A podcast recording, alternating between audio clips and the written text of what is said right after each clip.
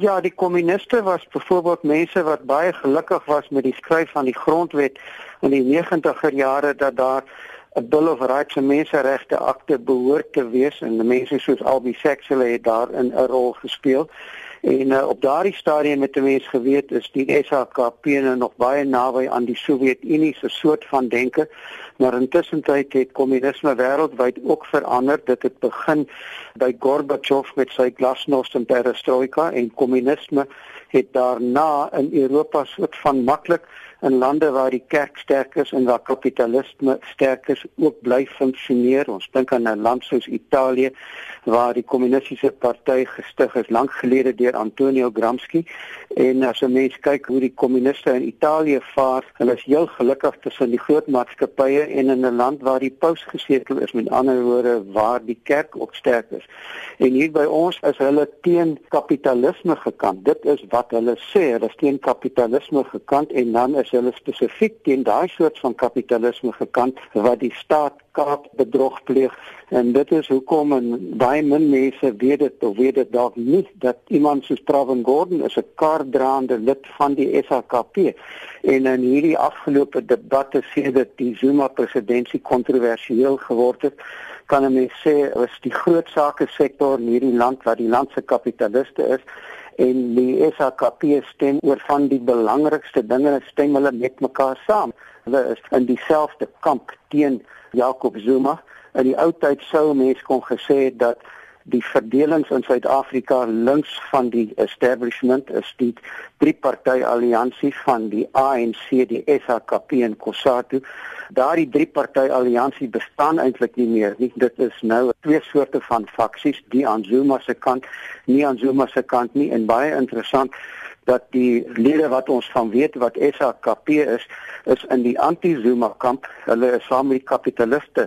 Dit is in hierdie konteks wat 'n mens maar moet beoordeel hoekom die SHKP die standpunte inneem wat hulle wel inneem wat heel besigheidsvriendelik voorkom en van diegene van hulle wat in die ou tyd kommuniste was voor 1994 het sedertdien tot die kapitalistiese sektor toegetree en wyle van Sail Slabbert het na hulle verwys as comrade capitalists. Met ander woorde, hulle is nog steeds comrades soos wat hulle mekaar noem, maar hulle hou van die reuk van geld, hulle hou van die reuk van banke, hulle het almal bankrekenings.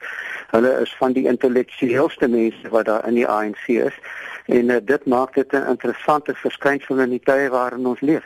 Jy het nou die woorde gebruik besigheidsvriendelik voorkom. Is hulle werklik besigheidsvriendelik? Ek weet nie, maar hulle gebruik nie meer die taal van die NDR, die Nasionale Demokratiese Revolusie nie.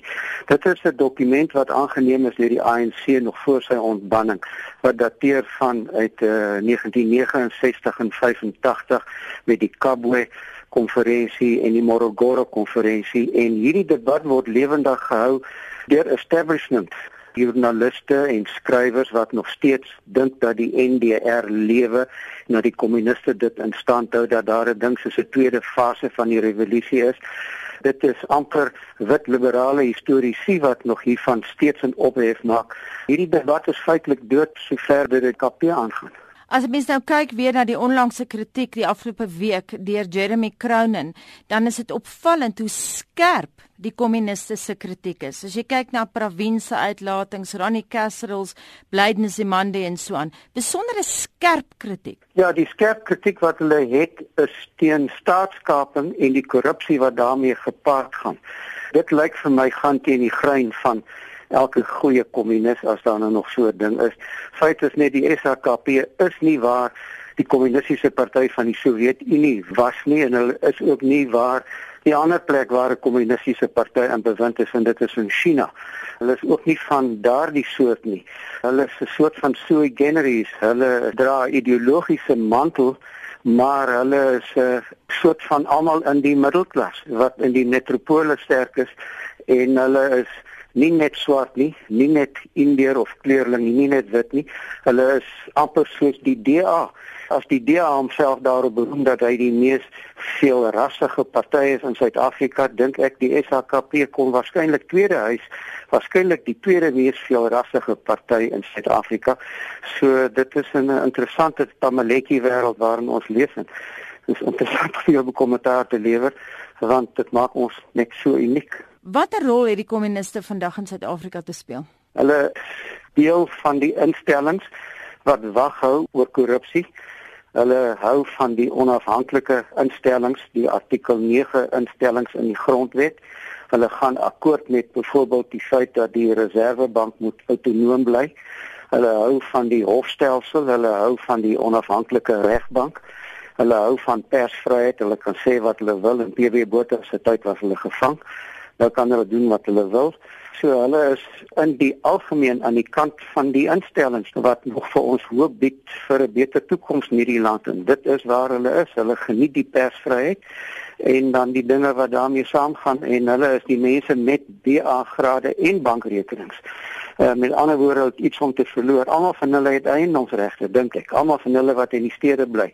En hulle sal onder die groep mense wees wat as die debat sou kom onteiening van grond sonder kompensasie sal hulle daarteen standpunt inneem want hulle wil ook nie onteien word nie. As 'n mens so tussen die lyne deurlees en luister na wat hulle sê, ek dink nou veral aan wat Rani Castles vir my gesê, dan klink hierdie kommuniste totaal en geheel en al ontnigter. Ja, dis ontnigter soos byvoorbeeld Rani Castles self het 'n groot debat gevoer destyds teen uh, hierdie media wet wat so 'n paar jaar gelede gedryf het om die SAIK en die koerante vas te vat.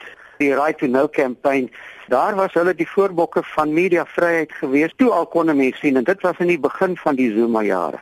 Daarin het 'n mens al gesien hulle en Jacob Zuma gaan nie baie lank aan dieselfde kant van die vuur sit nie. En hulle is net so ontnigter soos baie ander Suid-Afrikaners met waar ons nou staan. Van South Flabber se comrade capitalists is daar en hulle is daar die ander middelklasse.